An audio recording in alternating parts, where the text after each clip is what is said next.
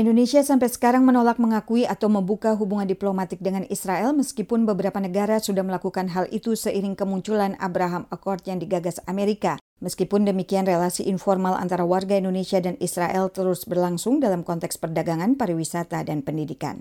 Seorang pengusaha Indonesia, Agus Seherman, sejak tahun 2014 telah menjalin kerjasama untuk mengirim mahasiswa Indonesia belajar pertanian di Arafah International Center for Agriculture Training yang terletak di Negev, selatan Israel. Belum lagi kunjungan yang dilakukan tokoh dan cendikiawan Indonesia atas undangan Israel.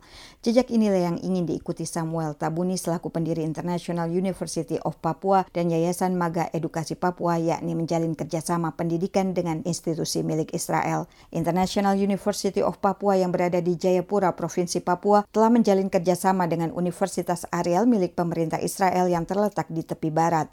Kolaborasi ini tertuang dalam sebuah nota kesepahaman yang ditandatangani oleh Samuel Tabuni pendiri IUP sekaligus Yayasan Maga Edukasi Papua dengan Kepala Urusan Internasional Universitas Ariel Profesor Ronen Akohen. Direktur Media Center YMEP Abdil Fortunatus Tanias kepada VOA Senin menjelaskan, gagasan untuk menjalin kerjasama dengan Universitas Ariel itu berasal dari Samuel Tabuni. Dia menambahkan YMEP dan IUP memang berusaha membentuk jaringan dengan berbagai kampus di mana pun terutama di negara maju untuk menjadi mitra dalam mengembangkan IUP.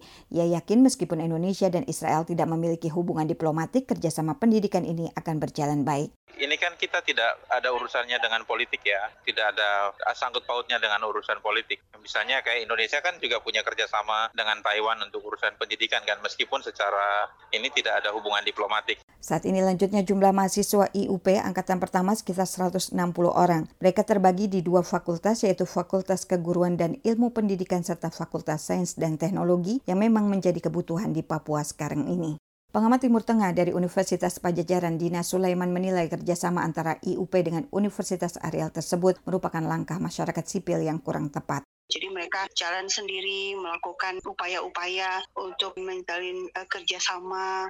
Padahal di saat yang sama kebijakan luar negeri pemerintah Indonesia itu kan jelas ya terkait uh, Palestina, yaitu tidak membuka hubungan diplomatik dengan Israel sampai Palestina mencapai kemerdekaannya baik secara de jure maupun de facto. Dina meminta pemerintah Indonesia secara tegas menyatakan kepada semua pihak bahwa kebijakan Indonesia tetap berpihak pada Palestina dan menolak hubungan diplomatik. Ketika ada masyarakat sipil yang secara sepihak melakukan upaya pendekatan dan kerjasama, pemerintah tidak boleh diam karena menunjukkan inkonsistensi kebijakan. Hingga laporan ini diturunkan, juru bicara Kementerian Luar Negeri Teguh Faizasa belum mau menanggapi terkait hal tersebut. Dari Jakarta, Fatia Wardah melaporkan untuk VOA Washington.